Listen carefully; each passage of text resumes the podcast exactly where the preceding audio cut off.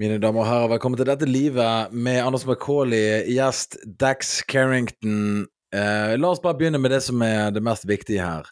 Meg og Dax har ikke snakket noe særlig før vi begynner å spille inn her i dag, så her får du nå raw. Dette er en raw samtale. Vi mange, det er mange ting vi må gjennom i dag. Det er mange ting du vil at vi skal snakke om. Ja. Altså, du har lyst til det, at vi skal snakke om Viggo Venn i London. Vi kommer tilbake til det. Men først skal vi snakke om eller på å si, elefanten i rommet her. Dax, han uh, skulle spise rett før vi spiller inn her nå. Og uh, Fortell litt om hva du spiste. Altså, jeg, jeg, jeg, spiste en gresk eh, yoghurt, og så var jeg veldig sulten, og så måtte jeg bare få kontroll på sultsituasjonen. Mm. Så jeg tok bare en haug med frosne blåbær, og så dynket jeg alt det i maple syrup, og så, som en sånn naiv idiot, så tok jeg på sukkerfri gresk yoghurt oppå det igjen, som om det ikke er sukker i maple syrup. Mm. Så blanda jeg alt det sammen for å lage en sånn jordbæryoghurtmasse, da. Jeg tror det var helt seriøst 730 gram yoghurt. Ja. Med disse nevene med blåbær. Og så tok jeg en halv pose valnøtter, og så tok jeg en halv pose Synnøve Finden sånn granola crunch, mm. og så dynket jeg liksom alt det i maple syrup igjen, da, og så spiste jeg bare alt sammen, uh, og nå angrer jeg. Ja, for du er for mett? Ja. Ja. Men hva, her er spørsmålet. Sånn klokken er jo Klokken er den Klokken er den den er. Ja. Men var du sulten når du spiste dette? Ja, eller, eller, jeg var liksom sulten på en snack. Ja, nettopp, for du var, ikke, du var, ikke, sulten. Du var bare Du trengte Du bare ville Du måtte bare ha noe. Ja. Jeg hadde ikke klart en biffmiddag, liksom. Nei. Men istedenfor så spiste jeg ja, mer enn en biffmiddag er. Ja, ja, ja du, altså du hadde spist Du hadde fått mindre kalorier enn deg hadde du spist en gigantisk biffmiddag. Ja. Men man skulle jo tro at i en alder av 40 så hadde man klart å liksom kalkulere nei, nei, nei. matinntak, men det ordner seg aldri, det. Nei, den Sara, det, det måtte du etablere Det måtte foreldrene dine ha lært deg når du var liten. Sant? Det, er for seint nå å begynne å lære seg de tingene der. Ja, de prøvde. De prøvde ja, de, å lære meg. De, de, de, prøvde, og de feilet. Og uh, mine foreldre feilet uh, 100 Eh, det der å spise før man legger seg, eksempel, det var ikke noe jeg lærte. Altså, de prøvde liksom å si sånn Jeg, jeg vet ikke hva, jeg, husker, jeg hørte ikke på dem. Jeg bare spiste det som var tilgjengelig. Eh, men altså, her, ja. du, no, noe som er veldig fascinerende med å vokse opp generelt Jeg husker liksom på 90-tallet, så var liksom mantraen var Kan ikke spise for mye McDonald's, det er ikke bra. Kan ikke spise for mye KFC, det er ikke bra. Kan ikke spise for mye Burger King, det er ikke bra. Og hvis man spurte Hvorfor er det ikke bra? Da var svaret bare sånn Nei, det bare er ikke bra. Og det var veldig vanskelig å ta seriøst, ikke sant, så, så ingen helt visste hva de prata om. Så når, så når, folk begynte Ikke se for mye du, du, ser for mye på TV, det er ikke bra. Why? Well, we don't have a concrete answer to that, because, ja, just cause. Because we said so. Ja, Det beste jeg hørte, var jo det Nei, ikke se på TV, for øynene dine kan bli firkantet. Ja. Jeg bare sånn Nei, det, det, det, det er 100 løgn. Jeg skjønte det med en gang når folk sa det, i veldig ung alder. Sånn Gamle folk som sa det til oss som barn, vi var besøkte hverandre. Så hadde de en eller annen bestefar som pisset på seg sjøl mens han satt i sofaen der og Ja, ikke se på TV, for da blir øynene firkantet. For det hadde han lært på eh, radio teateret i 1937, sant? rett før Hitler invaderte. Så liksom, han, han, visste jo ikke noe bedre. Men, så jeg skjønte jo det. Men jeg husker liksom, de prøvde seg på sånn Nei, du må ikke spise du må ikke spise McDonald's, og du må ikke spise hamburger og, og sånne ting. Så det, det, er mye fett og, og sånt i det. Så tenkte jeg sånn Men vi vokser jo opp, og vi spiller fotball, og vi løper til vi får blodsmak i munnen, og vi kollapser på slutten av, av kvelden. Altså, fra vi våkner, så løper vi til seint på kvelden, og så stuper vi, sant? Så all, vi trengte jo all energien, vi trengte jo alle kalorier og proteiner vi kunne få i oss, sant? Mm. Det var ingen vits når du vokser opp som barn, i hvert fall når jeg vokste opp, så hadde ikke du bruk for noe kostholdsregime. Det var jo ikke noe sånn eh, Du kunne spise hva du ville, og det gikk helt fint. Fordi at du, med en gang det var friminutt, så løp du rundt som en galning. Du var svett når du gikk inn i klasserommet. Du var svett når du når du gikk hjem, du var svett når du gikk på altså, Du var svett hele tiden. Det, det var jo hele barndommen, sant? så du kunne spise hva du ville. Men de her feite ungene som er i dag, sant? de kan jo ikke gjøre det, for de beveger jo seg ikke. Det er jo det som er forskjellen. Nå, Altså, altså, skal ikke jeg høres ut som en gammel mann. Altså, sånn der, Når jeg var liten, da løp vi rundt. Vi løp rundt fordi det var ingenting annet å gjøre på. Ja. Så, så valget er enten du kan få TikTok med diettregimet. Ellers kan du spise hva faen du vil, men da har du ikke TikTok, da om du bare løper rundt som en retard og plukker opp kongler og sånne type ting. Ja, for det var det vi gjorde. Vi samlet opp kongler og lagde mennesker ut av konglene, eksempel. Det var liksom en Mm. dag. Ja, i dag skal vi lage kongler. Og jeg skal sånn Det høres litt sånn kristen sommerleiraktivitet ut, men det er ingenting annet å gjøre på. Så greit, gi meg det der Jesus-greiene der. Ok, nå, Ja. nå skal vi gi et perfekt eksempel. Når jeg var eh, rundt ja, jeg var ung, jeg var elleve år eller noe sånt, så hadde fetteren min et pornoblad, og han ville gi det til meg, og jeg måtte liksom finne en måte å gjemme det på. Ja. Så jeg gikk i liksom halvannen time til en hardware store, og så kjøpte jeg to hengsler og screwdriver og skruer og en hengelås. Og så gikk jeg til, til, til sånne forskjellige sånne derre eh, hva, hva heter det, sånne der steder som selger treting. Og så, og, så et, et, og så spurte jeg bare alle sammen om jeg kunne få gratis treverk. Essensen av det da, er at jeg brukte en uke på, på å snekre en kasse Mm. for å romme da ett pornoblad som jeg kunne låse inne i denne kassa. Ja, ja. Ikke sant? Så jeg hadde jo en sånn Ja, jeg, altså jeg jobbet jo ni timer om dagen i en uke bare for Ja. å gjemme ett pornoblad. Ja, og nå kan han drittungen i dag Han kan bare gå rett inn på internett og bare surfe eh, på, rett inn i rasshølen på noen. Altså, Det er Ja. liksom ingenting som stopper han, sant? Ja. Du, du går og lærer deg treverk, du lærer deg sandpapirstørrelse. Den er myk, den er grov. Du lærer deg hengsler, du lærer deg å spikre, skjære, kutte. Du blir jo plutselig en ingeniør for å liksom på en måte ta vare på det Altså være en porno, pornografkonservator. Ja, ja, ja. Um, og det skaper jo på en måte Det skaper jo på en måte en slags kreativitet og, og på en måte finne løsninger, sant? Ja, en er- desperasjon etter å bevare dette pornobladet. Ja, og du vil jo holde det skjult, sant? for det er jo ufattelig mye skam som er tilknyttet til dette her greiene. Sant? Det, det å bli fanget med et sånt blad i ung alder Du kunne risikere å, å utvikle autisme, liksom. Altså, det er jo på en måte helt insane. Så um, Så jeg tenker jo bare det at det var bra det å leve under At det var en trussel. Det er jo liksom ingen trusler lenger, på en måte, annet enn at de mobber hverandre. Og folk sier sånn 'Å, det er så mye mobbing'. Det har alltid vært mobbing. Bare nå skjer det på internett. Så det er på en måte mye lettere på en måte skrive stygge ting sånn eh, på on the fly enn å faktisk, å, eh, faktisk si noe mobbete til noen i trynet deres. Det skjer fortsatt det òg, heldigvis. Men nå er det veldig mye sånne der grupper som formes, og så får ikke folk være med i grupper. Sant? Altså, du får ikke invites og sånne ting som det der. Utfrysning. Den, den Men jeg vil jo tro at hvis du blir mobbet, ikke det sånn online, vil ikke det på en måte da utvikle seg en slags resistens mot det òg? Nei, men altså øh. La meg bare putte ting i perspektiv her med denne pornoboksen, ok? Ja. Så jeg jobbet og jobbet og jobbet for å lage den pornoboksen, og så hadde jeg ett pornoblad oppi der. Plutselig, nå var jeg i en posisjon hvor jeg skjønte at hvis jeg kan skape, skaffe flere pornoblader, så er jeg i stand til å skjule de og lagre de. Ja, ja. Så i løpet av denne ungdomskarrieren min, så klarte jeg å skaffe meg syv pornoblader. Ja. Det var liksom to lek og liksom et annet. Men po poenget da, var at det, det lå på hytta, så det var liksom om sommeren jeg kunne liksom ha adgang til de pornobladene, for jeg bodde jo i Asia, ikke sant.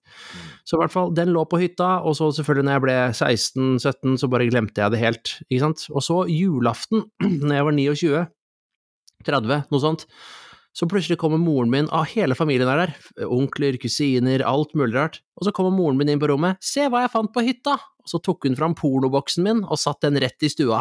Denne lagde Jørgen da han var liten. Og så kommer søstera mi inn, inn i, i stua, så sier hun æsj, hvorfor er pornoboksen til Jørgen i stua?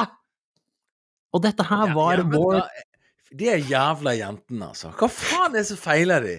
Kanskje hun gir deg fucking fred? Porno. Hvorfor må hun oute det, der, det der er så typisk sånne søstre og sånn. Hvorfor må de oute på første ikke, no, ikke det noe samarbeid? Poenget, da. I had to pay the price for porn ownership. Ja, Ikke sant? 20 years later. du, det- denne, denne kommer alltid tilbake igjen. Du, du kommer, du kommer, nobody leaves the KGB. Det er bare sånn det er. Det er sånn blood in, blood out. Yes. I hvert fall kids i dag, som har hvert eneste pornoblad noen gang lagd på bol i lomma si til enhver tid. Ja, altså, Altså- du, du, du kan være Ser du, en, en, en syvåring i dag kan gå, gå inn på endoskopiporno hvis han har lyst til det, eh, ved å bare trykke på en link. Det er det eneste han trenger å gjøre. Ingen graving i skogen, ingen gåing i regn og ta med seg paraply, lyge Liksom, det, det, er en, en, det er en ekspedisjon rundt det. Sant? Og det er flere som er- deler det, og liksom, du har alle de tingene der. Du holder deg i skjul, og du skammer deg i skogen, på en måte. Nå sitter de på rommet, og så har de en telefon, og så trykker du på en link som en eller annen venn sender. Og så sitter du der og blir feit, og så ser du den verste pornoen som er noen gang skapt i verdenshistorien, og du er syv år gammel verden kommer til å falle sammen. Bare, bare, bare basert på det. Drit Ja, ja. i alt annet. Drit Ja, i absolutt alt annet. Miljøkatastrofer, atomkrig alle, Drit i alt det. Bare det at en syvåring nå kan trykke på en link og sitte feit fordi at han beveger seg ikke. Fordi at, hvorfor skal han? Han har jo alt på datamaskinen sin og på telefonen sin. Hvorfor skal han gjøre Han har danset og lagt ut noen videoer på TikTok, så han er aktiv, ifølge foreldrene. Fordi at Se, ungen vår danser. Å ja, ok. Det er kun da han beveger seg, og det er det de viser. Det stolte øyeblikket. Og nå sitter han og ser på en eller annen dame i Brasil som eh, opplever da en eller annen slags form for torturporno, og vi lurer på hvordan, verden, hva, hvordan kommer verden til å bli i 2050? Det kommer til å være Altså, vi har ikke en sjanse. Altså, meg og Dex er de første som kommer til å dø. Det, er bare, det kan jeg få si med hånd på hjertet. Vi Yep. er de første. Når tyranniet kommer, så er vi de første til å bli jaget. Og, og ironisk nok så er jo vi noen av de sterkeste på grunn av liksom porn hunting and porn boxes and all the you know, traumatic stuff. Ja, the, the, the porn eh, Altså, det er liksom på en måte de Altså, Indiana Jones-aktige aktivitetene rundt pornografi, da. Ja, men altså, det var det. jo Husker du, husker du hvor psyko vanskelig det var å liksom få tak i én pornofilm på 90-tallet? Ja, ja, det var jo Altså, sa du, folk de sier nå å, bitcoin er- Eller kjøper du en bitcoin, så er den verdt så så mye. Én pornofilm VHS. for en 13-åring Ja. eh, i 1993 ja. var det samme som å være millionær i dag. Altså, det, det er det samme. Han kunne solgt den videokassetten og kjøpt seg et hus i Bahamas og levd resten av livet på det. ja. Så mye var en VHS-kassett verdt. Ah, det var helt insane. Det var liksom sånn i hver by så var det liksom to VHS-er in, in, in circulation. Så du kan Ja. se for deg liksom sånn per 10 000 ungdommer, da, så var det to VHS-er. Det var to VHS-er, og, og det var bare porno. Og så liksom sånn, og så hvis vi går av porno for et øyeblikk, så var det Ok, den nye Jurassic Park-filmen er ferdig på kino. Den kommer nå. Når den er ferdig på kino, så kommer den tre måneder etterpå på VHS av en eller annen grunn. Det tok en sånn insane lang tid, fordi Ja. de skulle jo spille de inn på bånd, de her eh, millionvis av kassettene. Ja. Og i den bygden jeg bodde i, så fikk vi da Så at vi var vel kanskje 10 000 som bodde i den bygden der. Og så måtte vi alle dele seks forskjellige Fem eller seks Jurassic Park-filmer. Så du fikk jo ikke sett filmen før det hadde gått et halvt år. Sant? For det var jo da en kø på den filmen. Det var venteliste. Ja. Men, men ja, det, og, og, og det jeg likte veldig med den tiden der også, ikke sant, var at man hadde jo så mye erfaring med å ta opp musikk fra radioen på, Ja. på kassetter. Mm. Men det som var enda mer interessant, var at hvis man klarte å få tak i to VHS-spillere, så kunne man kopiere VHS-er. ja. Og på alle filmer så sto det et FBI-warning. Ikke sant? Hvis du kopierer den her, så får du fem millioner kroner i bot og opptil fem år i fengsel. ja. Og man bare sånn, ja ja, men vi kjører på. Ja, det er ingen som kommer til å merke det. Altså, det er ingen som kommer til å Ja. Hvem, hvem som kommer her? Kommer FBI hjem til meg ute i Ytrane? Nei. Ja, men altså, det er bare Vet du hva, livet er mye mer interessant når ting er vanskeligere å få til, og jeg tror man får mye mer glede ut av alt, da.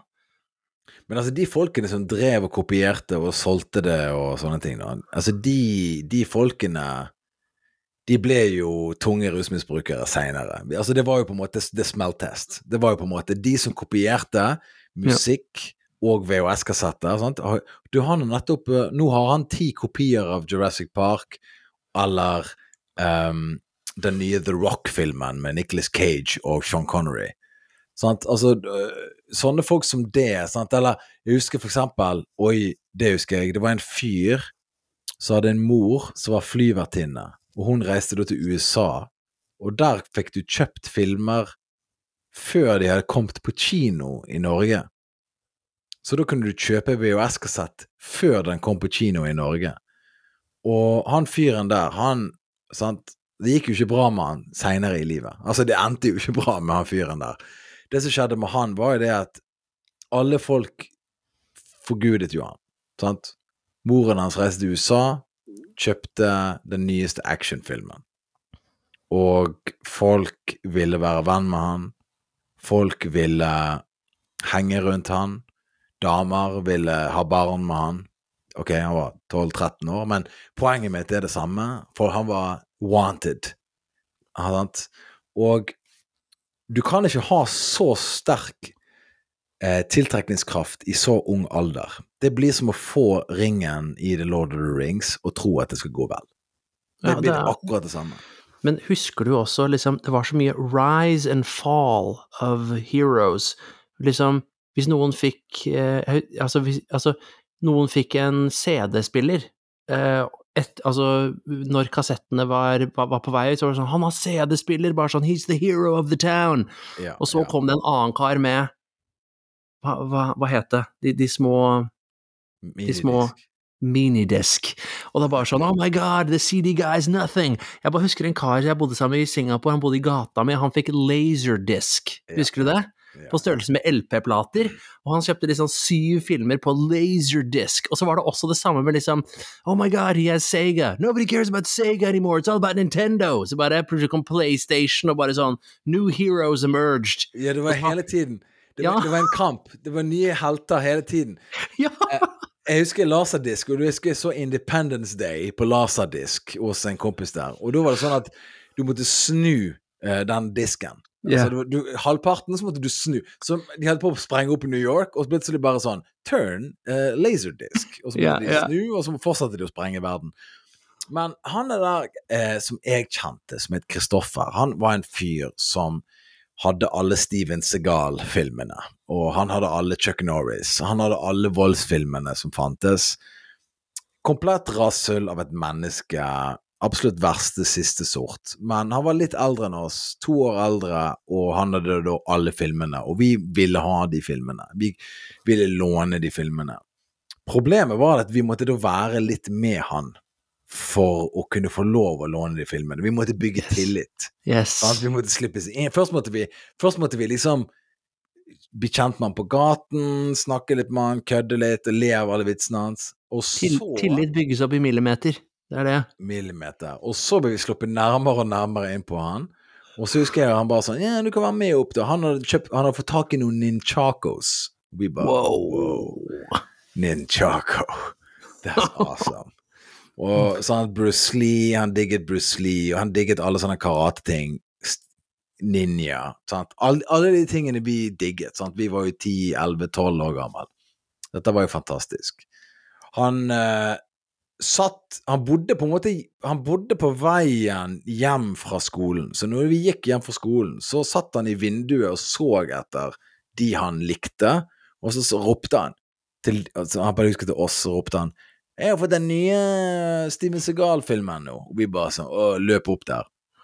Og så sp spurte vi om å få låne den. Selvfølgelig ikke, fikk ikke låne den. Altså, etter hvert som tiden gikk, så fikk vi låne den da, fordi at da hadde han sett den 10-15 ganger. Så da var det liksom ok, that's old news now.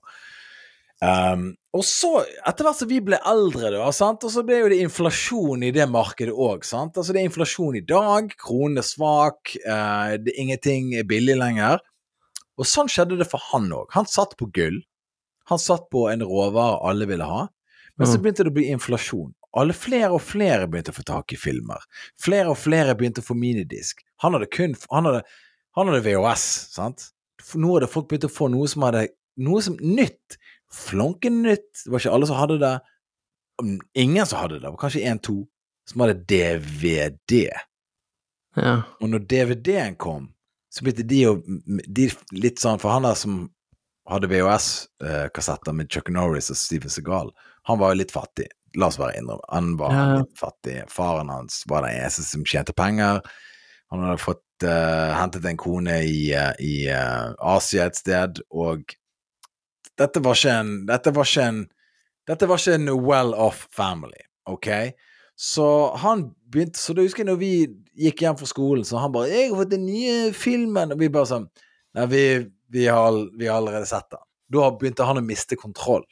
ja, ja. Han hadde ikke noe å selge lenger. Han klarte ikke å få produktene sine på markedet, og det var ikke etterspurt.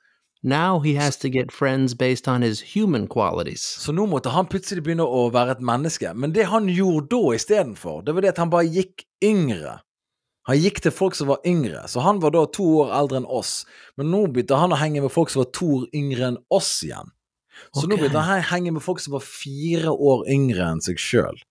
For han hadde jo fortsatt Ninchako, han hadde ninjastjerner. Han hadde fortsatt et par sånne ting som er imponerende for folk som var 11-12 år gammel.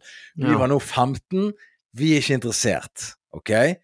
Vi er gått videre nå. Vi er på DVD, vi er på sterkere drøger her. Sant? Vi er på sterkere og høy, mer hopp, høyoppløselig skjerm, ok? Ja, ja, ja. ja. Sant? Så vi har ikke tid til han lenger.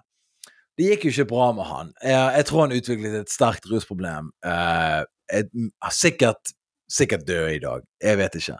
Men, uh, men den kraften Og dette, her, er- dette er til de som hører på denne podkasten her. Hvis du er en forelder, og du tror det der å gi barnet ditt eh, den nyeste tingen, sånn at han blir populær, eller gi dem den nyeste leketøytingen som alle Da vil alle være med han, og så videre.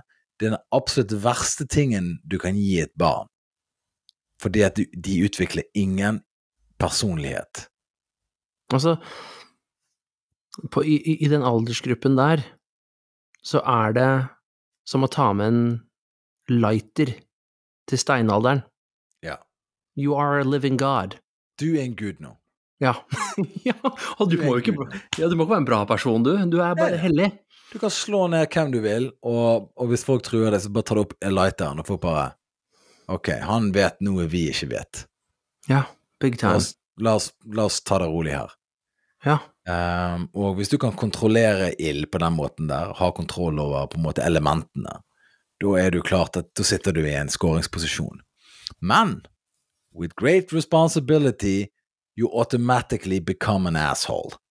Uh, og det er på en måte uh, Det er på en måte det jeg prøver å si, da.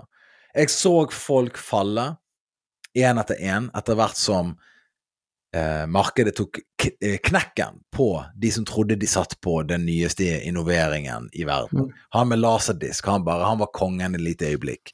Plutselig var han glemt. Han som fikk DVD, han var kongen et øyeblikk. Så ble han glemt. Da kom det noe annet. Da kom det Blu-ray. Og så var det han andre, og så videre, og så videre. Og så, når- når streamingen kom, så var det liksom Nobody's anybody. Nobody's anybody. Det er ingen som er noen lenger. Så Og, og jeg husker bare, jeg bare husker i i Hongkong i 1997, så var det storebroren til en kompis. Han hadde investert alle, all ukelønn han hadde fått i hele sitt liv i CD-er. Jeg tror han hadde sånn 6000 CD-er, ja, sant? and then came the minidisk. Ja.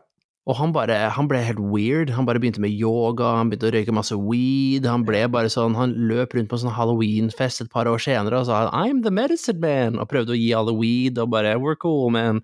We have minidiscs, we're fine'. Ja, men Så- tenk deg da, hvis du flyr første klasse hele livet, og plutselig så får du beskjed om å sitte bak med de fattige folkene i økonomiavdelingen. Ja, men det, det er ikke bare det. Det Hvis du, jo for deg. hvis du investerer ditt livsverk i gullbarer, og så plutselig kommer det på New York The New York Stock Exchange is now declared gold worthless. Ja. Da hopper det ut av bygningen på Wall Street. Ja. Du, du tar heisen helt opp, og så sier du 'Oi, skal du ut, se utsikten?' Absolutely. Og så Ja. hopper du rett ut. Og det gjorde de i 1929, i 1930. Det var, det var en annen kar også som hadde seks Det var noe sånn enormt nummer med, mini, med minidisk på begynnelsen av 2000-tallet. Han hadde så jævlig mye minidisk. Og så plutselig kom jo The iPod, og da begynte Ja. han å røyke. Han begynte å kjederøyke, for det var liksom too much, skjønner du? panikk. I've invested my life in an illusion. Ja, men tenk deg, da! Du har kjøpt Se her, da. Jeg hadde jo Se her, da. Jeg, jeg, jeg kom inn fra en familie der det var mye musikk. Ok? Det var mye musikk i min familie. Og eh, det var en ganske heftig CD-samling i det huset som jeg kommer fra. Vi hadde all, all fet musikk som fantes, var i, i huset vårt. Um, og det var veldig bra, det. Når jeg da er hjemme hos foreldrene mine og skal rydde og prøve å finne gamle ting osv., så, videre, så ser jeg masse CD-er som ligger eh, helt worthless. De var en gang et sånt pynteelement. Det var en slags bibliotek. Bare se De var en julegave. De var en hel julegave, en CD. Ja, det var en Husker hel Det var en hel En singel var en hel julegave. Ja, ja, det var det. en sang pluss remix. Det var en hel julegave, det. Altså, en Kenny G-CD var en 40-årsgave. Ja. Bare sånn, tusen takk for den CD-en. Ja, den koster jo 199 kroner. Ja. Sant? Ok. Så folk hadde da disse her på display for å vise at de hadde kulturell kapital. sant? For å Ja. vise folk her er musikken min. Det, vil, det blir det samme som å se her er bøkene mine. på en måte. Her er det jeg leser. Her er det jeg lytter på. Det var CD-samlingen. Det, var- det var en exhibition. Exhibition av, av eh, på en måte din, din liksom indre verd. på en måte. Se hvor, se hvor smart jeg er. Jeg hører på denne kule musikken her. Og nå kommer jeg hjem, og så ser jeg CD-ene liksom Noen er tom, CD-en ligger på, på gulvet, oppå noen klær, inni en boks med gamle bøker fra skolen, eksamenspapirer, gamle kladdebøker. Bare, alt er bare, bare, alt er bare en slum av, av gamle minner som ikke er verdt en dritt lenger. For det, all musikken du får tak i, den ligger nå inne på internett. Altså, Du trenger, altså, ikke, altså, ikke gå i butikken lenger og lytte på CD-er. Jeg, jeg kjøper de tre her. Nei, nei, altså, Du går på det- Spotify. det var også en aktivitet, det, på en lørdagskveld. Ja. Jeg bare inviterer en venninne på besøk, så we're gonna alphabetically organize my CD collection. Ja.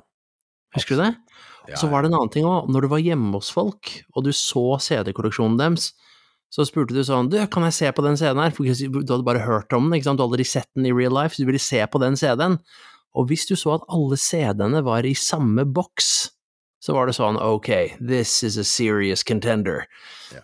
Men hvis alt var i feil boks, da skjønte du at bare sånn Ok, I can't trust this person.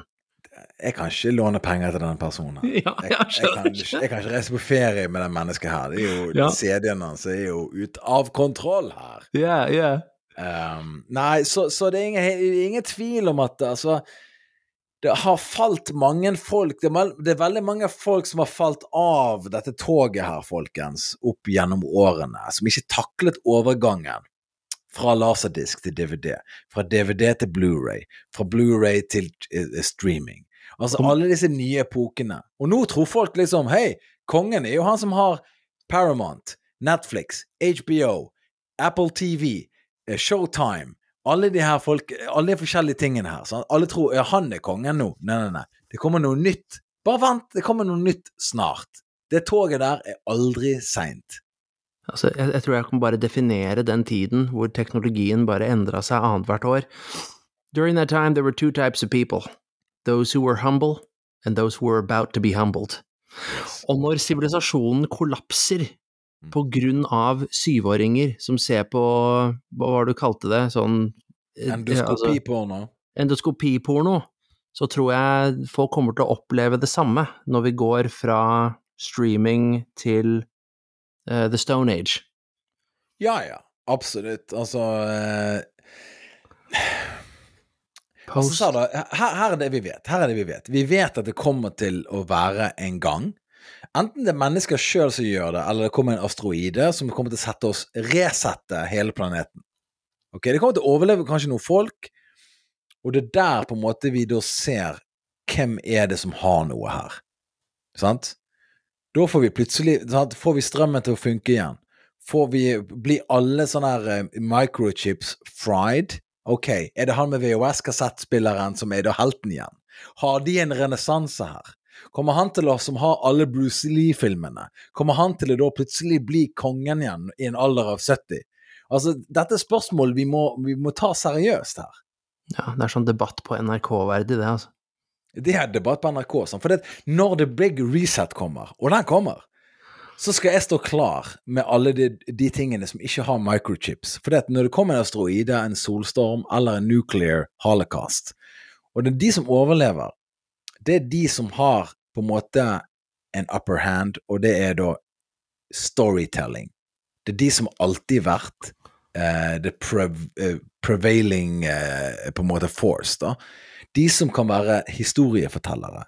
Og hvis du da har en ødelagt planet, det er folk som dør hver dag av, av stråling, av kullosforgiftning, hva det enn måtte være, så er han som har tilgang til, vil jeg tro, CD-er, eh, VHS-spillere Alle sånne ting som ikke har microchips, som gjør at de, de blir fried.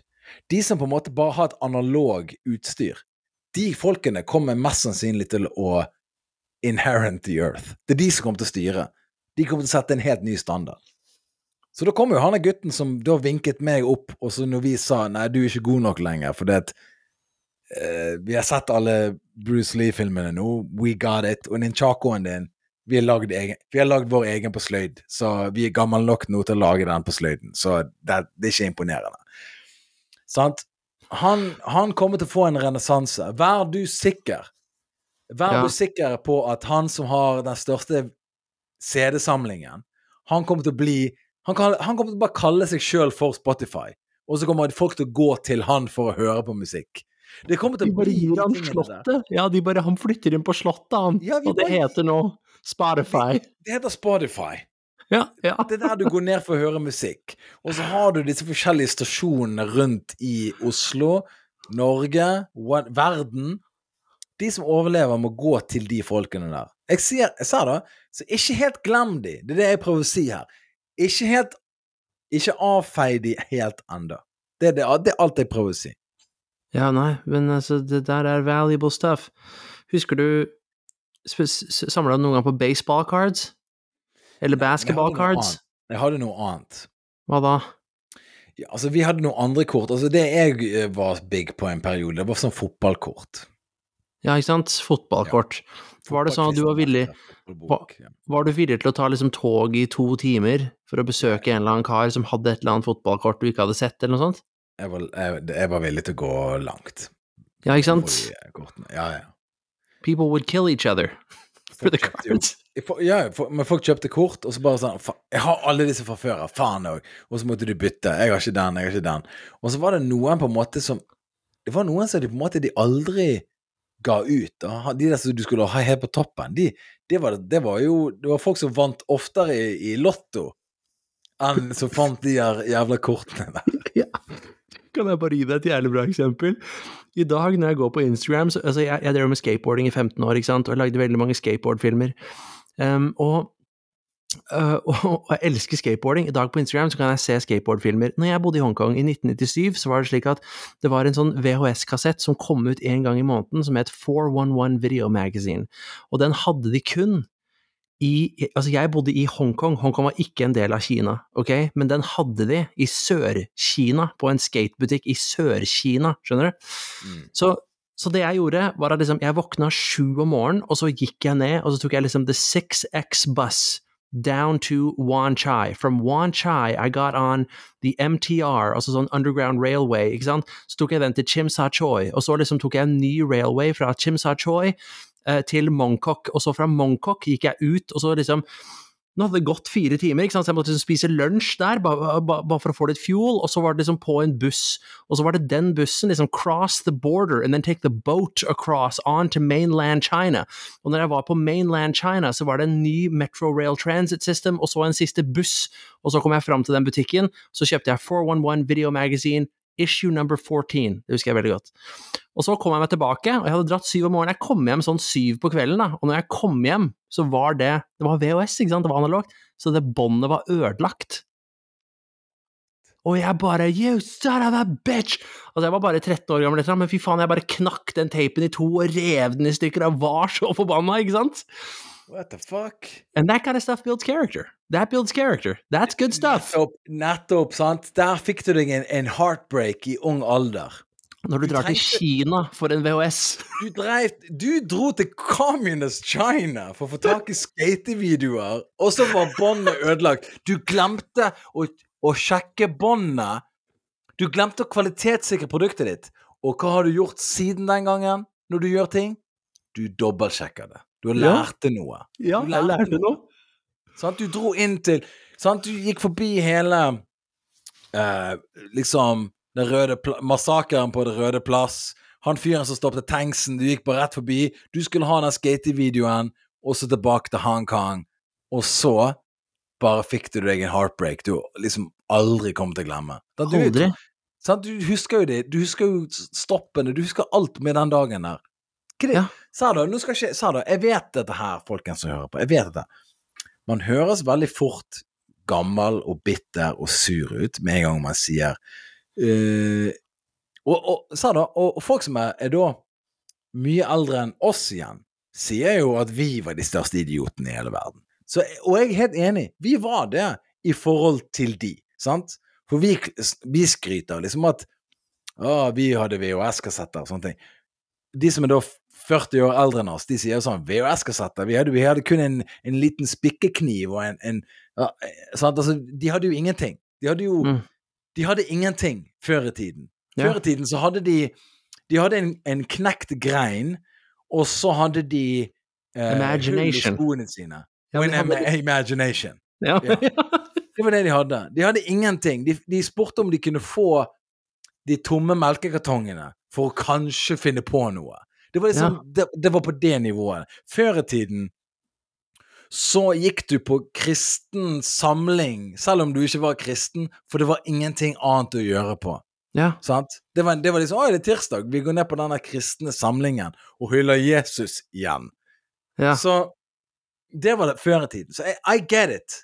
All, de, alle folk som er eldre enn meg, og mye eldre enn meg, som da på en måte så ned på meg når jeg var 11-12-13 år gammel, de, de gjorde det med sin fulle rett. Jeg er helt enig med det. Men jeg me, her, her er der jeg står nå. Jeg står på denne her plattformen her. Jeg sier at jeg mener det har skjedd en, e- et kvantesprang i forhold til eh, tilgjengelighet eh, som nå på en måte de yngre folkene har. Den tilgjengeligheten som de har De har, til, de har tilgang til absolutt alt hele tiden, og det mener jeg Jeg sier ikke at det er et problem, jeg bare sier at det skaper en eller annen større avstand mellom meg og den yngre generasjonen nå, enn det var mellom meg og han 80-åringen nå, på en måte. ja, Det, ja. det er en større avstand nå enn enn det var før. Fordi at ja, ja, vi hadde VHS-kassetter, og vi måtte vente, og bla, bla, bla. Vi måtte kopiere film, og vi måtte vente. Det var, nå har du bare Du trykker bare på en, en ting, og så har du det med en gang. Det er ingen Sant? Eh, En, en venn av meg som heter Endre, som jeg hadde radio med før, han sa veldig fint at det er noe som kalles snuttgenerasjon. Det er bare en snuttgenerasjon. Vi har ikke tid til å høre hele tingen. Vi leser ikke hele boken. Bare gi meg summary. Sant? Vi skal bare ha Vi skal bare ha akkurat den lille Akkurat det som er underholdende, og så gidder ikke vi mer. ja. Sant? Ikke for å dra for lange paralleller her, men jeg har sett en økning i at folk er på mobiltelefonen sin i kinosaler. Det er en veldig sånn clear indication for meg at folk gidder ikke å følge med. Her bruker et TV-selskap, et filmselskap, to milliarder do, eh, eh, kroner. De bruker 200 millioner de, Nei, James Bond, den siste James Bond-filmen koster 300 millioner dollar. Ok? Det er 300 Det er 3 milliarder norske kroner for å lage en film. Og så driver de og eksploderer. Folk jobber ukevis. De bygger ting, de sprenger ting i luften. Det koster millionervis så de bare blåser opp i luften. Og så sitter folk og så bare Mens det mest klimatiske tingene skjer, så tar de opp, og så sier de venninnen sin er dritings på Snapchat, som er bare en blurry video som er ingenting. Ah! Og så bare sånn Å ja, det var det. Ok, hva, hva skjedde her? Hva var det de gjorde nå? Nei, de bare sprengte 300 millioner kroner. Men uh, det er ikke don't, don't- worry about it. Hvordan går det med Kristine nede på den baren? Ja, ikke sant? Det er der vi er nå. Altså, altså ba- bare, jeg, sorry, jeg må ta en siste story som er for bra, men i Sarpsborg så har du noe som heter Tunevannet, og så på andre siden av byen så har du noe som heter Grålum. Og der var det en kar som hadde lagd sin egen skateboard-video, og jeg ville gjerne ha tak i den. Så sa han, hvis du tar med en VHS-spiller til meg i dag, og det må være i dag, for jeg stikker på ferie eller et eller annet, så kan jeg kopiere over den filmen for deg, som er selvfølgelig sånn fem, 15. generasjons kvalitet, ikke sant, for de blir jo tatt opp hele, blir dårligere og dårligere. Men uansett, da. Så jeg sier til foreldrene mine, kan være så snill kjøre meg bort han karen, jeg må få den skateboardvideoen. Nei, ikke i dag, vi har andre planer. Så jeg tok en svær VHS-spiller, som veide jo like mye som sånn ket, sånn 16 kilos kettlebell, ikke sant, og jeg er 12 år gammel, og jeg gikk over hele Sarpsborg, Mm. fra Tunevannet til Grålum, og så kom jeg hjem til han, og så recorda jeg den på min VHS, og så gikk jeg hele veien tilbake, og så skulle vi dra til Hongkong dagen etterpå, og så funka han ikke. Igjen. En heart, nok en heartbreak story. Så. These are the hard trials of our generation. Dette er the hard trials. Sant? ja. Og vi har alle sett videoene på internett der han drittungen ikke har tilgang til sin World of Warcraft-konto lenger, fordi moren setter foten ned og sier sånn Nei, jeg, eh, jeg, betaler, ikke, jeg betaler ikke for World of Warcraft. eh, Du gjør ikke dine plikter i huset. Og så går han inn, og så prøver han å logge seg inn. Og så bare What? Og så logger han seg inn en gang til. Og så bare, og så bare se, står det bare uh, Payment declined, eller et eller annet. Og så ser du på ungen bare Fucking lose it. Han bare Ja. mister det. Du, han bare han, han, han blir en demon. Drit i den, den der eksorsistfilmen. Denne ungen her er en full... Det er, en, det er som å se en drug addict uh, bli på en måte bare frastjålet alle drugsene sine ja. og, og du bare ser han er bare Han bare Han knuser alt, river av seg klærne, ruller rundt på gulvet. Han er bare du, Akkurat som en aliens kommer ut av brystet hans. Han er på en måte bare Han er possessed by a demon. ja. Og, og det, de folkene der, sant Det verste som kan skje, er at du har ikke tilgang til denne der eh, fiktive verden du besøker, der du har alle vennene dine, Ja. og internett. Hvis ikke, du har, hvis ikke du har de to tingene der, så er du en fucking nothing. ja. Og uh, det, det, er en, det, er en, det, er en, det er den nye epidemien. Ja, det er jo det, men altså, jeg, jeg, jeg bare Jeg bare Jeg husker det, at det var liksom det, det liksom Man ble så mye mer glad for ting når man måtte gå gjennom hele fylker for å få tak i de, og liksom ikke, ikke bare det, men sånn GPS-shit. Altså sånn Du, du må komme til meg i La oss kalle et sted sånn Altså, jeg bor i Kongsgård. Kom og besøk meg. Og så bare sånn finner moren din liksom Kongsgård på et eller annet kart fra 1973, ikke sant, som ligger i bilen, og da bare kjører hun helt feil, så hun kjører deg til Kristiansand når du egentlig skulle til Kristiansund, sånn type ting. Ja, ja. Men- it was all just disappointment. Det var disappointment. Det var jo den tiden der, så vi hadde ikke GPS, vi hadde ikke Google, så ergo det var ikke noen, Av og til var det noen som ikke kom i den bursdagen. Og grunnen til det for at der, der så du hvem foreldrene var. Foreldrene var mindre utdannet og ikke kunne noe retninger og har ikke peiling på kart, kunne ikke ta imot øh, veibeskrivelser, og bare fant ut at så da, uh, nå har vi letet etter det huset her i tre timer, Uh, det blir ingen bursdag på deg. Du får, ingen ny, du får ingen nye venner i dag, du, fordi at vi finner ikke huset. Faren din er for dum, ok? Faren din er for dum til å finne fram til, til, der, til denne bursdagsinvitasjonen her. Det er for stor by, det er for mange hus. Jeg finner ikke noen ting her. Faren din er en skuffelse. Jeg, skulle, jeg skulle fullført utdanningen. Jeg skulle hatt Jeg skulle ikke, jeg skulle ikke røykt og drukket så mye i ung alder. Jeg skulle tatt, tatt ansvar tidligere. Og nå lar jeg mine problem falle over på deg som et ung, ung, ung barn. Og eh, dessverre så kommer du òg til å ende opp akkurat som meg, fordi at utdanning og problemer går i arv. Du kan prøve å endre deg, men det, mest sannsynlig så kommer det ikke til å gå. Du kommer til å ende på en enda verre eller samme postadresse som meg, og vi kommer til å være like ulykkelige. Velkommen til jordkloden. Det er på en måte der folk er med barna sine i dag. Og uh, uh, uh, så, så de er jo vokst opp nå, sant. Så nå har de Google, så nå finner jo alle fram. Så kanskje det er en bra ting. Det er kanskje en bra ting at nå, liksom, nå kommer folk kanskje i bursdagsbesøket av Google har fikset det for deg. Men jeg husker jo de som kom i bursdagen, de som hadde kart, de som forsto kart. De forsto at du kjører av der, og kjører inn på E39, inn på, inn på et sånn, og et sånn, og boom, så er du der. Men så hadde du de foreldrene som drakk mye, og de fant ikke fram. Og det er greit, det er greit, det. De, de var full når de skulle lært seg å finne fram. Og uh, jeg vet hvem de var, jeg vet hvem som ikke dykket opp. Jeg hadde, jeg hadde en mor som var edru, aldri drukket i hele sitt liv, og en far Al al som aldri?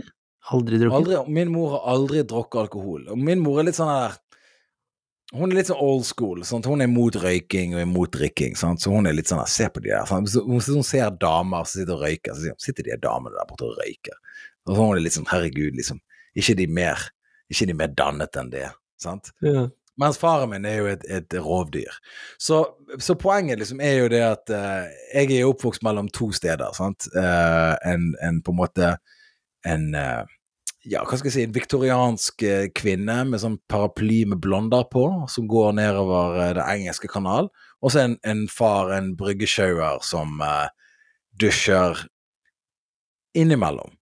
Så, så poenget mitt er liksom det at eh, eh, Så når min far skulle da kjøre meg til en bursdagsbesøk, for min mor var opptatt, så kom ikke jeg i den bursdagen. Han, han skreik til verden. Han skreik til all, i den bygden vi bodde i. Så han hatet alle hus, han hatet alle folk. Alle som ga han beskrivelser han hørte, For han hørte ikke etter når folk pratet. Når folk pratet til han, så sa de å, til høyre, venstre, høyre Og han tok ikke imot beskjeden. Han bare øh, øh. Og, så, og så sier han til meg, som er ti år Hva sa han? Det var min far, sant? Så jeg kom jo ikke i den bursdagen der. Eh, så da, visste jo folk Å, er det faren hans som kjører nå? Mens hvis det var min mor, så kom jeg der. Så, liksom, så jeg har den dualiteten, på en måte. Sant? Det stabile og det ustabile. Så jeg vet hvordan det var på begge sider. Jeg er en slags Husker du Blade, han som var halvt vampyr og halvt menneske? Så Yes. han, han tålte å gå i solen, og han tålte å bli bitt av vampyrer. Så han, så han var liksom en hybrid. Det, det, han, han, det var ok for han. Jeg var han eh, fyren der. En irsk far og en norsk mor. En, altså, en, en, en, en pen, eh, eh, eh, dekadent eh, Jeg vet ikke om det er rett ord, men en kvinne som på en måte ikke drakk, og holdt seg unna den røyking og de tingene der, og en far som ikke holdt seg unna de tingene der i det hele tatt. Så liksom Så, så jeg vet hvordan det der er. Og eh, og eh, ja, så, så det var veldig mange barn som ikke kom i bursdager. Eh, Jeg husker vi bodde jo litt sånn til der sant? Det var kanskje litt vanskelig for noen å finne fram. Og jeg husker jo det at sant? De foreldrene som eh, røykte på kjøkkenet, de, de kommer jo ikke i bursdag. De foreldrene som røykte på kjøkkenet, de barna kom ikke i bursdagen. For var, de hadde glemt det, de fant ikke fram, eller det var noe feil med koordineringen. De satt og røykte på kjøkkenet, de blåste røyk inn i maten til barna sine, og så glemte de bursdagen. Så det, det er greit, det. Det er greit nok, det. Det må du bare regne med. Og så drakk de kanskje vin på kvelden der eh, fra en boks, og eh, ja, barna i dag eh, Jeg har sett noen av de igjen, sant. Det er ikke det er ikke Statoil de styrer, det er ikke Equinor-direktører. det, er ikke de, det er ikke de som styrer eh, oljefondet jeg snakker om her. Jeg snakker om folk som går i Bali-bukse, folk som eh, har en liten symbal så de slår sammen, og, og kjenner vibrasjonene. De styrer ikke noen store ferger, de, ikke, de flyr ikke noe fly. De er ikke noen leger eller overleger. De har ingenting de, dette, er ikke, dette er ikke de som kommer til å redde oss. Det er det, det, de jeg beskriver. Så hvis du er en av de som røyker på kjøkkenet hjemme, se på omgivelsene dine og hva du skaper. Jeg, jeg skal ikke belære deg om noen ting. Jeg bare sier at det er en oppskrift her, og det ser ut som at ting resonnerer, og det ser ut som at ting har en tendens til å repetere seg sjøl.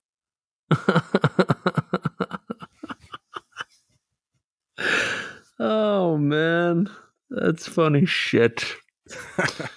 altså, jeg Jeg kommer fra en liten bygd. Jeg har sett alle de der. Jeg har sett alle. Jeg har sett de der ungene som fikk de beste klærne.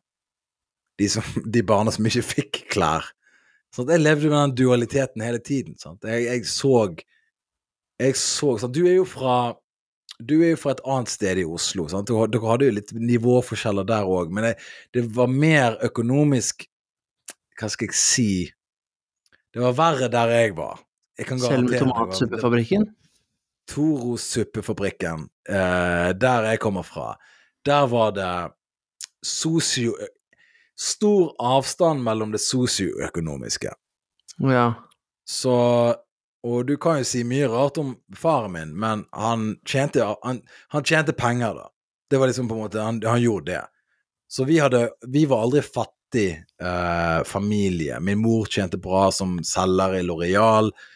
Min far jobbet i Nordsjøen, i, i, i Konoko Philips, sant? prøvde å ødelegge planeten ved å grave etter olje. Og det syns jeg er bra. Uh, brenn alt. Og jeg um, Så jeg, jeg, jeg, så på en måte de det der som hadde foreldre der det ikke Det var ikke fast inntekt uh, i de husene. Det var ikke fast inntekt, og de flyttet mye rundt. Det var en ny adresse ofte. Og av og til så måtte de bo på forskjellige adresser, for moren og faren hadde uh, forskjellige adresser. Og når du er liten, så forstår ikke du helt hvorfor de har forskjellige adresser for en periode. Uh, men det var visst for en god grunn. Og uh, de, de, folkene der, de uh, De Ja, det, det, er ikke det, Sa nå, det er ikke Når folk sier at ting går i arv, det er ikke kødd. Det går i arv. Det er bare sånn det er. ting går i arv. Hvis, hvis du hadde gått gjennom den byen i dag, mm. kjenner du igjen veldig mange mennesker?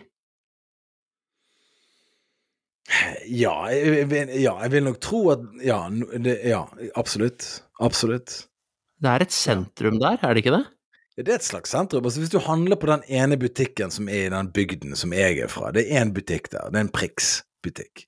Jeg vet ikke ja. om det er en kjede lenger. Uh, det, er sikkert, det, er sikkert, den eneste Prixen i Norge, for det, de har glemt å fortelle dem at vi har solgt kjeden. Så de bare går på jobb. De bare fortsetter i butikken. Sånn, det er ingen som tar telefonen. Da, da jeg var født, så var det også en priks, bare så det er sagt, på 80-tallet. ja, ja. Men, men, de, så... but they got the memo, så de er nå oppdatert. De, der, jeg, der jeg kommer fra, de har ikke tatt telefon på mange år. Så de har ikke, de har ikke du, vi har solgt den kjeden nå, så det, det, det, er noe annet nå. De har bare det samme, det samme logoen som det alltid har vært. Men, men poenget i hvert fall da uh, Så hvis du handler på den butikken Sorry. Altså, husker du, Har du hørt den der storyen om andre verdenskrig? Så var det en eh, japaner som ble, som ble, fortalt i sånn 1944 Hva sa du? Han på Iwo, Iwo, Iwo Jima? Han som ble ja, ja. den siste, siste, gjenlevende soldaten som ikke ja. trodde på at andre verdenskrig var over. Ja. Ja, det er den butikken. Og, og han var der, han var der altså, det var 30 år, i 1975 så kom han ut av jungelen og, inn, og var, var villig til å innrømme at krigen var over, da. Jeg bare tenker litt sånn derre For at, altså, de var inni der med liksom megafoner og bare sånn The war is over! Han bare sånn derre Go fuck yourself! Og så tok, fant de broren hans, da, og broren sa liksom On the honor of our family, I swear to you, it is all over, it is all safe. Go fuck yourself, Brian! Altså, det var helt der, da. Så han nektet å høre på det. Så det som var morsomt Propaganda. Ja, ja, men det er det samme med den Prix-butikken. De blir ringt til liksom 1977, kjeden er closed. Yeah right, loser. Det samvirkelaget er nedlagt. yeah right. Yeah, right. Hvordan kan de stenge S-markedet? Samvirkelaget? Hvordan kan de stenge det? Golden Goose. Så det, er liksom en sånn type butikk da jeg kommer fra. Ja, ja. Hvis du handler i den butikken, da treffer du igjen alle disse folkene som var fotballtrenere. De som var um, Ja, altså de foreldrene sant? Jeg husker jo det der jeg kommer fra. Sant? Det var de der uh, foreldrene som uh, kom i litt rustne biler og parkerte utenfor butikken og løp inn for å rekke ølsalget etter jobb. Kjøpe litt eh, taco, kanskje. Kjøpe litt kjøttdeig, pizzafyll og de tingene der den gangen. Det var Ja, ja. Og så kjøpte de, sant, og så var ungene med, så fikk de litt snop. Og så kjøpte de da en haug med sekspakning med øl. Sant? Foreldre. Sant? Det her er voksne eh, menn og kvinner. De har snop. De har nå en stor kjøttdeig og, og masse kjøttsaus. Og så har de nå kjøpt inn eh, en del eh, proviant, type dopapir. De har kjøpt inn eh, ja, mye, mye mat og husholdningsutstyr. Og så har de sekspakning etter sekspakning etter sekspakning med øl, sant? Som de skal nå drikke hjemme i stuen sin mens barna løper rundt som galninger i huset. Dette er den plassen jeg er fra. Right. Wow. Fy faen, så crazy. Hvor mange mennesker bor i den byen? Jeg vet, 10 000, men det er, det er sikkert halvparten er død nå, så fem, da. Jeg trodde du skulle bare si ti. Ti! Det var min familie og naboen, han Kristoffer med alle de fine tingene. Ti, ti gjenlevende i den bygden der. Wow. Og så- 10 000, ja. Så, så der, og det har jo vært det, ja. Det har vært, og der har jo det vært? Jeg vet, det har vært en liten sånn Det var en liten sånn drug-epidemi der en gang òg, sant. Det var jo Det var de som brente vin, det var de som solgte sprit, det var de som solgte hasj, det var de som drev med sterkere ting, det var en motorsykkelgjeng, det var bandet, det var drankerne, det var eh, de mislykkede eh, bare, bare mislykket. Det var den butikken som bare solgte alt som var inni en garasje. Det var liksom Det var bare Det var bare liksom en eh, Solen gikk ned tidlig. Solen gikk ned tidlig. Den sto tidlig opp og skinte på den bygden, men solen gikk ned tidlig. Wow. Det er tittelen på denne episoden her. Solen gikk ned tidlig. Faen, så crazy. Det er jo helt Ja, det er helt crazy. Altså, tenkte jeg, jeg, altså, jeg vokste opp i Singapore. Eh, helger til Malaysia, Thailand, forskjellige tropiske øyer, Australia, Kina, eh, kinesiske mur, eh, opp til Tibet, Vietnam, ikke sant, Sør-Korea, og, og bare Indonesia, båtturer, ukeslange båtturer i Indonesia. Og, og ikke bare det, ikke sant, men det var 90-tallet, så liksom We were white people and we had money, so everyone just worshipped us. Så jeg bare tenkte sånn oh, What a nice place the world is. Like everyone just worships you and you just do whatever you want. Og du var liksom, og du var liksom i liksom South Central LA of Bergen, ikke sant, hvor det var bare sånn herre a, a war, ikke sant? Du, du, vet, du, vet, crazy. du, vet, du vet i Back to the Future, da når han reiser fram i tiden, og eh, verden har gått til helvete, og Biff styrer planeten fordi han Biff's hadde- Pleasure Palace. Det var liksom Ja. på en måte Det, det, er, den, det er den bygden jeg er fra. Det er liksom på en Ja, måte på riktig. det nivået. Ja. Ja, og jeg vokste opp i Hill Valley i 1955. Ja, ja, ja, men sant? Så, så ja, poenget mitt med deg, sant? Du, du har en interessant situasjon, sant? for det, jeg ser på deg veldig Altså, av alle jeg kjenner Jeg så ikke så veldig mye av det, for det gikk ikke så lenge på TV, jeg, men det var en serie som het Den unge Indiana Jones. Ja.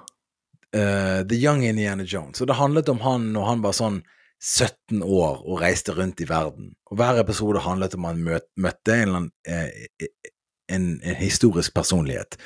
Picasso, eh, Tolstoy, Lenin eh, han, møtte Hemingway. Alle disse folkene som levde på liksom eh, 20 30-tallet, 1910 Altså den perioden der ja. og han reiste rundt i hele, plan hele planeten, og familien hans var arkeologer og alt dette.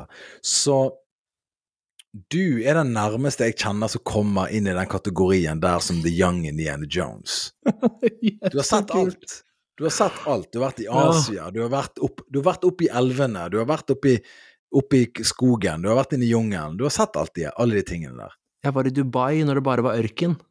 Ja, ikke sant? Du var der Ja. det kun det var ørken.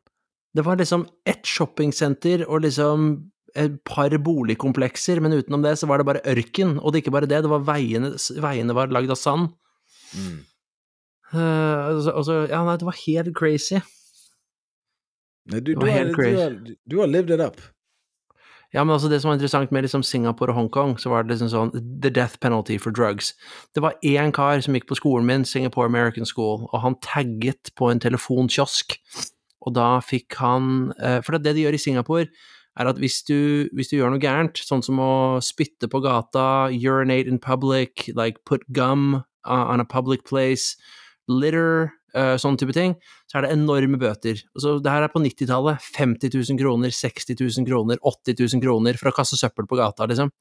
Men hvis du tagget, altså vandaliserte eller, eller drev med drugs, så var det liksom vanligvis death penalty. Men de skulle være jævlig snille med han, da, så han fikk caning, altså bambusslag, da. Han var 16 år gammel. Ja. Og det de gjør da, er at en lege kommer inn, og så tar han en sånn health check, og så finner han ut hvor mange piskeslag med en seks meters bambuspisk du håndterer før du dør, og så backer de det opp med ett slag, da. Mm. Så han fikk fire piskeslag, og så fikk familien hans 24 timer på å dra ut av landet. Og så var det på, på, på, på drugs, så var det som ett gram hasj, så var det bare the death penalty. Så det var liksom var ikke noe drugs, og det var ikke noe crime. Og jeg tenkte bare sånn her, wow, what a nice utopia this all is. Ikke sant? Og du var utenfor liksom Biff's Pleasure Palace, you know what I mean? Like scalping tickets to like the underground dogfights. det, var på det nivået der. Det var underdog. Og der jeg kommer fra, det var liksom helt vanlig sport. Hvilke hunder skal slåss i dag? Nei, det er han naboen sin hund mot den andre hunden. Å ja. Uh, hvem tror du dør? Så det var mine helger. Mens du da så liksom jungelen, eh, fascinerende mennesker. Når du møtte liksom folk i Dubai, du kun var ørken. Du møtte beduinene. Du reiste rundt og liksom oppdaget, så verden på en hel dag. Hongkong, Asia. Du så på en måte hele hele opp, liksom, eh, eh, eh, oppblåsningen av Asia, hvordan liksom det på en måte kom seg oppover, og all den fascinerende kulturen, mat, eh, inntrykk, alle disse tingene man får. Da var jeg eh, Drev og samlet inn penger for å reise på Dana Cup eh, for å spille fotball. Solgte kakestykker for idrettslaget. Det var det jeg gjorde på. Altså, Og- vi, vi var medlemmer liksom Vedde på dogfights. Ja, men altså, det, er helt psycho, for vi var medlemmer av en sånn country club, ikke sant? Ja. Hvor det var liksom tjenere og butlers og tennis courts, og så, og så bare sånn her Wow, it's so nice that everyone on earth gets to go to a club. Det var liksom sånn type ting. ja. Men har, har ikke alle en egen tennisinstruktør? Ja, det var helt psycho. Men jeg møtte i hvert fall president Bush senior i 1993. Ja. Så Uh, det, det, det er derfor jeg tror at når jeg, bare for å oppsummere her, da, når jeg vokste opp på den måten her som, også, Fordi at du kan være veldig privileged på mange måter, i form av penger og i form av uh, eh, mange forskjellige ting, uh, med, og, og status og sånne type ting. Men for meg var det bare at jeg ble bare skjermet fra alt vondt, og det var ikke bevisst engang. Det var bare de landene, så var det ikke noe crime, og det var tilfeldigvis at expat-miljøet bare booma på den tiden, så alle hadde penger og sånn. Så i hvert fall, når jeg ble ferdig med University og møtte mye, mye motstand, så ble det jævlig hardt for meg. Men da var du godt rusta, ikke sant, because of all the dogfighting tickets you sold. Knife fights og dogfighting. Altså, når du møtte, da, når du møtte Bush senior, altså en president Han jeg kjente, han som var helten vår, det var han som hadde vunnet mot staten i en uh, ungdoms... eh, negligent eh, rettssak, der foreldrene hadde forlatt han da han var 15 år gammel, og staten ikke hadde gjort akkurat nok. Det var han, held, det var han, han var vår helt. Og det han gjorde med pengene sine, han kjøpte en Audi TT han ikke kunne kjøre engang. Det var det han gjorde med penger. Han vant, han vant million mot staten i en barnevernssak, og han kjøpte en Audi TT. Det var, det, det var det jeg, der jeg kommer fra. Wow. All right, folkens. Denne samtalen her fortsetter inne på Patrion, så uh, abonner inne på Patrion. Du går inn på patrion.com slash dette livet med Anders Macauley. Der finner du flere juicy podcasts. OK, folkens. Ciao. All right.